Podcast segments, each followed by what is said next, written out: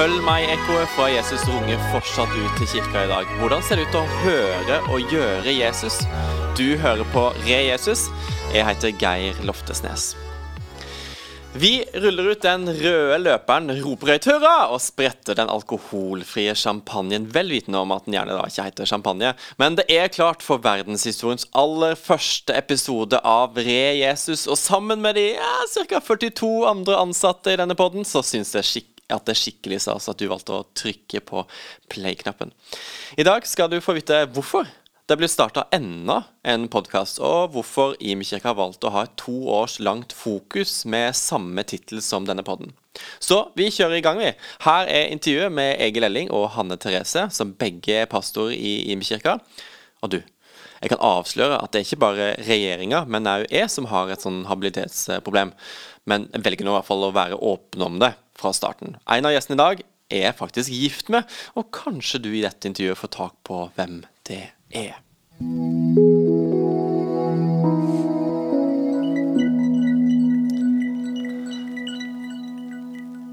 Ja, her sitter jeg med Egil Elling Ellingsen og Hanne Therese Loftesnes. Takk for at dere er med. Er dere klare? Absolutt. Absolutt. Er ikke det litt ære å få være liksom, på den første episoden? da? Kjenner dere ikke det dypt ned i magen? på, på, kanten til ærefrykt, vil jeg si.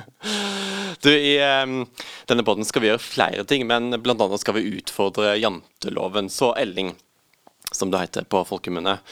Foruten å være pastor, pastor og, og, leder for hele IMI-sulamitten, kan ikke du gi meg tre gode ord eller egenskaper som eh, beskriver hvem du er? Jeg tror jeg er grunnleggende positivt innstilt til livet. Eh, jeg bruker å si at jeg har det prinsipielt bra. Jeg starter alltid ut med det som utgangspunkt for en dag.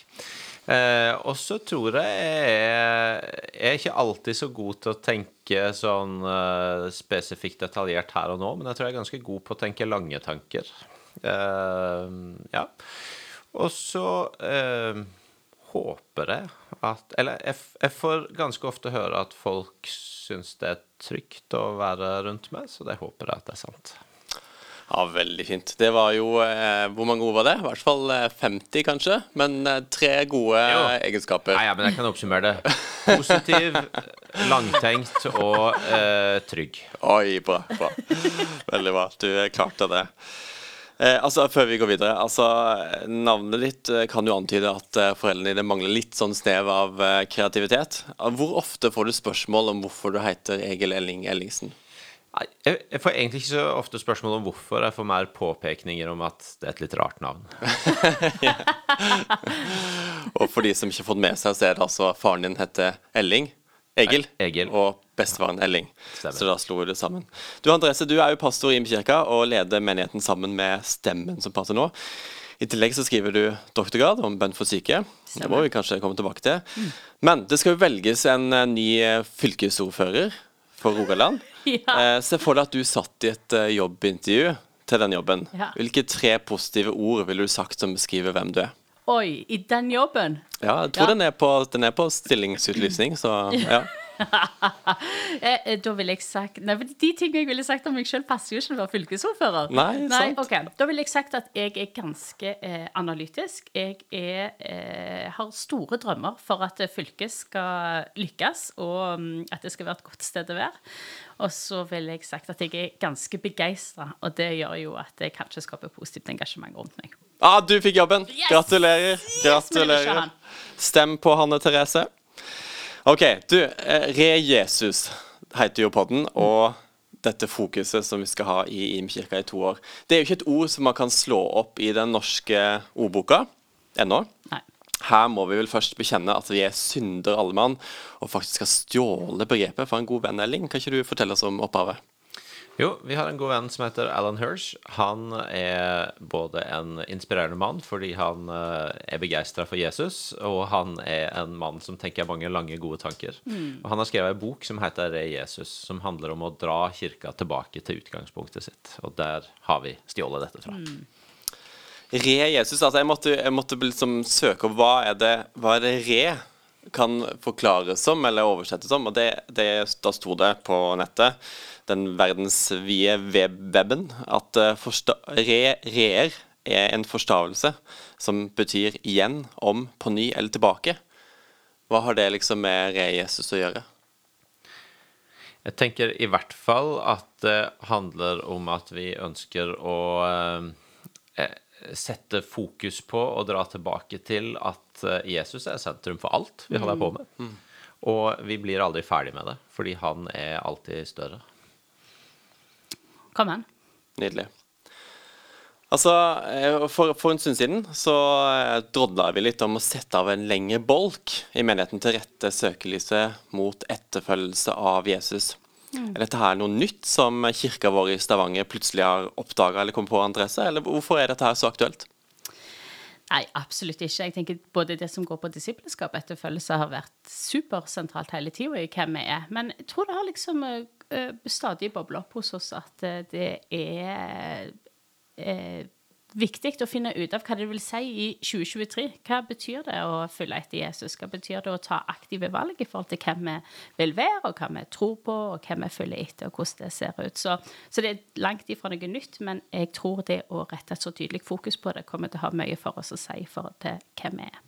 Eh, der er flere tråder som har ført sammen mot dette, men i forhold til tida vi lever i, så tenker jeg Det har jeg egentlig kjent på i en del år etter hvert, at vi mer og mer lever i et samfunn hvor jeg tror vi blir satt på valg mm. på hva vi står for, hva vi mener, hvem vi er, og hvem vi vil være. Um, og i det, en av de bøkene som vi alle tre har lest, uh, av John Tyson, som heter 'Beautiful Resistance', så forteller han om Dietrich Bonhoeffer, som eh, starta en sånn disippelskole under andre verdenskrig. Uh, og det var ganske sånn intenst. Det var ganske sånn uh, all in, uh, for å bruke et litt ladebegrep. det var uintendert, men OK. Og, og, en av vennene, eller flere av vennene var litt bekymra. Er dette litt too much? og så reiser en for å besøke han og eh, se på dette her. Og Bonhoeffer skjønner at han er litt skeptisk. Mm. Og så tar Bonhoeffer han med ned til elva og peker over der hvor eh, nazistene har en leir. Og så sier han Du skjønner det? Dette må være sterkere enn det der oppe. This must be stronger than that. Og peker på, og peker denne, på, campen. på denne campen. Og jeg tenker at det, det, er noe med det at jeg tror vi lever i en tid hvor det er litt tydeligere at en må velge, mm. og at vi må ha en forming som disipler som kan stå imot uh, hvis vi skal leve motstrøms i den kulturen vi er i, som er mm. mer og mer sekulær. Og, eh, poenget er ikke å lage sånne voldsomme skremmebilder med krig og nazister og sånt, mm. men poenget er bare å si at vi lever i en kultur hvor kanskje rota av, av, det vi står for og tror på, er for en, i en del sammenhenger ganske annerledes. Mm. Og hvis vi skal være Jesus-etterfølgere i det, så trenger vi en ganske sånn sterk Jesus-forming. Mm. Så fint. Altså, Vi har satt av to år til dette her, og vi har kjempa oss fram til å koke dette ned i ti Jesus-praksiser. Mm. Og Sammen med menigheten og dere lyttere så vil vi utforske hvordan Jesus levde ut eh, dette her, og hvordan det kan se ut i våre liv. Elling, hvorfor akkurat eh, disse ti? Eh, ja, hvorfor de ti? Vi har jo tygd og, sparra og, og, liksom Hva er det? Og det kunne sikkert vært 20 år, fordi at du får ikke liksom fanga alt Jesus er i ti praksiser. Men jeg tror det er en kombo av at vi har forsøkt å fange opp viktige ting Gud har gitt oss i historien vår, som vi tenker dette er oss som menighet, og samtidig se på hvilke praksiser er det som er særlig relevant i vår tid. Mm. Så når vi har valgt hvile som en praksis, f.eks., så handler det noe om at vi lever i ei tid med mye eh, med høyt, høyt tempo. Mm. Eh, mange som blir utbrente. Eh, mye travelhet. Eh, og på mange måter så tror jeg vi kan oppleve at vi er fanga i travelheten vår. Vi vet ikke helt en vei ut av det. Og da er det relevant å spørre hvordan kan Bibelen, det å følge etter Jesus, det å få tak i hvordan et Jesuslikt liv ser ut, være med å hjelpe oss i møte med en sånn kultur. Eh, det er jo flere som har sagt at eh, travelhet er den eh, største fienden til, til, både kjærlighet og til åndelig vekst. Mm. Eh, og hvis målet for åndelig vekst er å vokse i kjærlighet, så er jo det å finne ut av hvordan kan vi ha en motstandsstyrke mot travelhet, det er ganske sånn egentlig stort åndelig spørsmål. Mm. Så dette er på mange måter både Vi ser det hos Jesus, men, men det er veldig tydelig noe som eh, treffer den tida vi lever i. Det er absolutt målet. Og de ti praksisene vi skal stupe mer inn i seinere i poden, det er hvile, som du var på, feire, forenkle, bønn, gjestfrihet, ordet, familie, kraft, synsbekjennelse og vitne. Og noen av lytterne vil eh, være kjent med 'Practicing the Way' og John Mark Comer. Er dette her samme Ulla? Noe av det, absolutt. Men eh, jeg kan ikke si at vår, eh, vi har utvida begrepet med ting som vi tenker er helt essensielle for eh, både hvem vi er, hva vår arv i, i vi er, og hva vi tror Jesus etterfølgelse er. Ikke nødvendigvis en motsetning til hva John Mark Homer og gjengen gjør, men f.eks. lagt med tydeligere ting som går på eh, det vi kaller for utdimensjonen, eller kraftdimensjonen. Altså det med at folk må få tak i hvem Jesus er, at det er en del av det å være etterfølger, og det å leve tett på Den hellige ånd. Altså, Jeg har ikke sjekka kildene på dette, her, men jeg har blitt fortalt at eh, Martin Luther skal visstnok ikke ha likt Jakobs brev i Bibelen fordi det var, så, var for opptatt av gjerninger. Altså fordi Luther først og fremst ville formidle Guds nåde.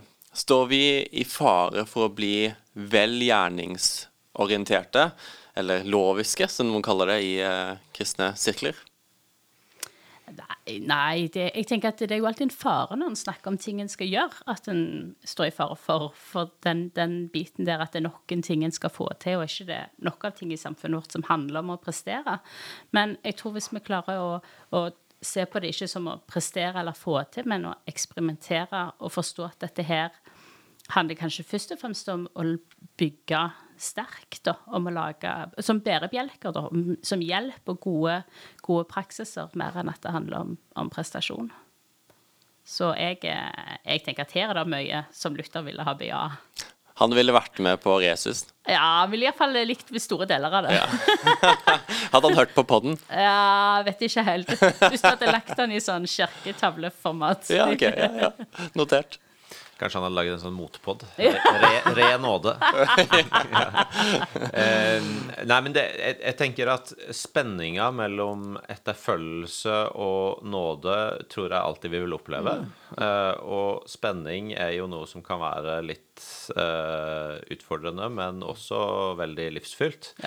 Eh, hvis Jesus sier om seg sjøl at han er veien, sannheten og livet, og hvis vi tror at det å gå på den veien Jesus er og viser, fører oss til livet, så må vi på en måte tørre å la oss utfordre av noen av de praksisene som mm. fins i hans liv. Mm. Det livet han viser for oss. Mm.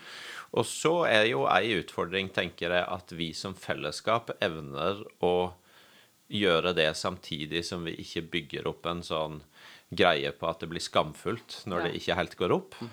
At det handler jo om måten vi er med hverandre på. Og så handler det jo om litt sånn også vår evne til klokskap i møte med hverandre når en bare kjenner at akkurat nå så er det andre ting i mitt liv som trenger fokus enn mm. denne praksisen her. Mm. Og på en måte vår evne til å sitte oss sjøl og til hverandre at ja, OK, men det er greit. mm. Men allikevel kunne si men vi tror at den veien Jesus viser, er veien til livet. Mm. Derfor er disse praksisene verdt å utforske. Ja, og sånn sett så er det nådefullt mm. for det om det er praksis. Ja, for det var litt det neste spørsmål. Altså, for vi, vi, er jo skapt forskjellige eh, som mennesker, med ulike egenskaper og preferanser. Noe kom, kommer lett for oss. Når vi snakker om hvile, så er det sånn ah, kjempelett for meg. Mens for andre vil det være superkrevende. Eh, altså skal, skal, Guds folk bli så like som mulig? Og skal vi presse alle gjennom samme kvelder, gjennom dette re-Jesus-fokuset?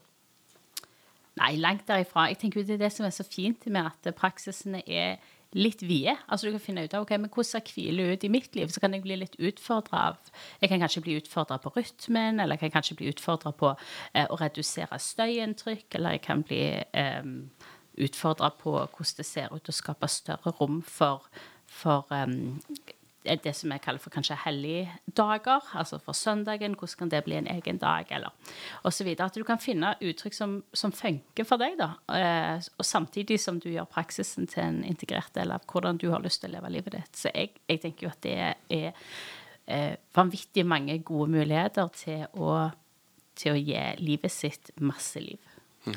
Så Altså Litt på det du sier om at vi har via det litt ut. Mange snakker f.eks. om sabbat, hviledag, mm. som er en praksis. og Det vurderte vi òg, og så har vi sagt hvile. Mm. Og jeg tenker at et poeng ved det er òg at uh, ideelt sett så klarer vi å hjelpe hverandre til å finne ut hva er hvile for meg. For det kan, som du er inne på, være forskjellig fordi vi er forskjellige. Mm. Og hvis vi hopper rett inn i en helt spesifikk praksis, så, så, kan det bli litt sånn låst. OK, det må passe for alle, men hvis du kan begynne med å finne ut ja, men hvordan hviler det, så er det ganske mye rom mm. til forskjellighet, tenker jeg. Ja. ja, men det høres bra ut. Da tror jeg mange kan være med. Ja. Jeg tror vi alle gleder oss eh, til å gå på denne vandringa sammen med menigheten vår, og gjerne òg de andre som kobler seg på. Personlig så har jeg blitt veldig glad i den tanken på at vi skal eksperimentere på Jesus' etterfølgelse. Du brukte dette ordet i stad, Andrese. Altså prøve, feile, teste, forsøke, lære, utforske og være nysgjerrig på hvordan Jesus' etterfølgelse kan se ut. For Det høres liksom litt sånn gøy ut. Vi vet ikke helt resultatet, men, men, det må bli praktisk, og det må bli konkret. Vi skal gjøre noe. Og Nå er vi jo helt i starten av dette her, og da må jeg jo spørre dere begge to. Hvilken praksis av de ti tror dere vil være mest utfordrende å leve ut for egen del? Jeg kan eh, mellomtida si at begge disse her egentlig er introverte, så noen ganger så trenger de litt, litt, tid. Så de har vært veldig gode gjennom hele den poden ja. svare med en gang. Eh, eh, nei, det var litt vanskelig. Jeg følte jeg trenger litt egentlig, jeg, Umiddelbart kan jeg kanskje si Jeg er spent på hvordan enkelhet vil komme til å se ut. forenkle? Mm. Forenkle, ja. Um, hvordan blir det seende ut i forhold til eh, aktive valg på, på, penger, på miljø, på fokus i forhold til ting en tenker en trenger, men kanskje ikke trenger. Mm. Og så er jeg òg spent på hva kan det bety for menigheten i forhold til å leve rausere, egentlig, med de tingene en har. Mm. Ja. Du Darling? Jo, jeg eh, jeg for så vidt enig i det med enkelhet også, at for min del så er nok det en praksis som kan være veldig lett å bli tiltrukket av, men ganske vanskelig å anvende mm. eller å sette ut i livet. Eh, men hvis jeg skal være original og velge noe annet, da, så tenker jeg at, eh, at det på en måte så eh, så er den der feire-praksisen litt sånn igjen sånn Det syns jeg høres kult ut. Og så er det litt sånn med at eh, jeg er veldig norsk, som, er, som vår venn Terje sier, heftig begeistra på innsida. Sånn at noen ganger så er det å liksom finne uttrykksformene kan være det. Og så er, er, sammenhengen mellom uh, hvile og feire, da, at uh, når livet ofte går fort, så er det å ta seg tid til å feire mm. um, av og til litt utførende. Så jeg er spent på det nå, egentlig. Spennende. Altså, vi, eh, vi, går mot avslutning, men vi vil alltid gi rom for uh, følgende spørsmål. Fortell om et radikalt valg du har tatt i lys av å være en etterfølger av Jesus. Noe du har gjort, eller et valg du har tatt som også har vært litt sånn annerledes eller radikalt. Jeg tror kanskje for min del så Det første jeg tenkte på når du sa at dette skulle vi svare på så, Oi, spoiler. Du har ja. fått den på forhånd, akkurat det spørsmålet. Ja. Det var, jeg trengte litt tenketid her, så det syns jeg var veldig fornuftig. Det tror jeg var når jeg, eh, som er ganske tanketunge, eh, snakket med en som fortalte han var ute på gata for å be for syke.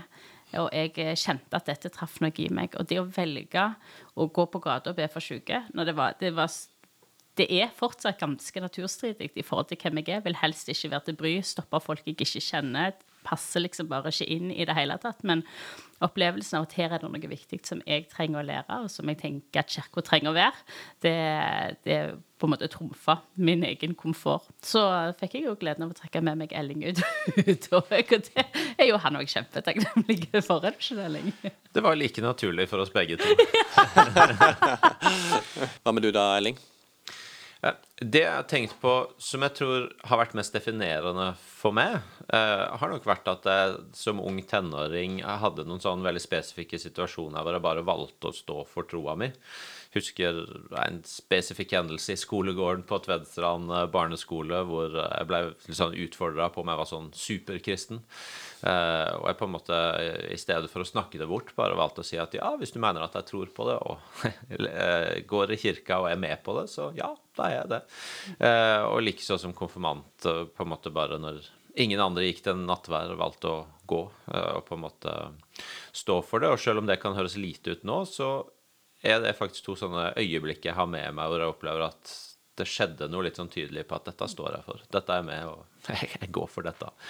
Eh, og så vil jeg sagt at i voksen alder så, så har jeg en del sånne erfaringer av det å på en måte regne på det med økonomi og tenke at det går jo ikke opp å gi, og så bare gi tiende likevel. Gi det en har tenkt å gi, og så, så går det fint. Har aldri mangla noe. Ja, så fint. Nydelig. Veldig bra. Du, Elling og Andrese, tusen takk for at dere var med. Utrolig kjekt. Takk for at vi fikk komme. Ja, absolutt.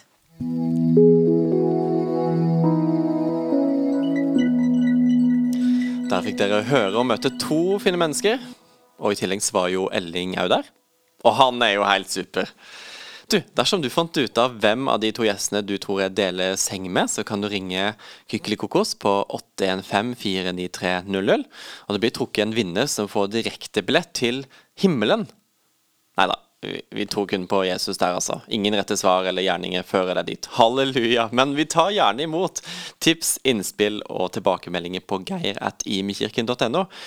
Og du, dersom du likte denne episoden, tips gjerne en venn, eller som mesteren sjøl sier, følg meg. Da er det bare for meg å si, vil du være med, så heng deg på.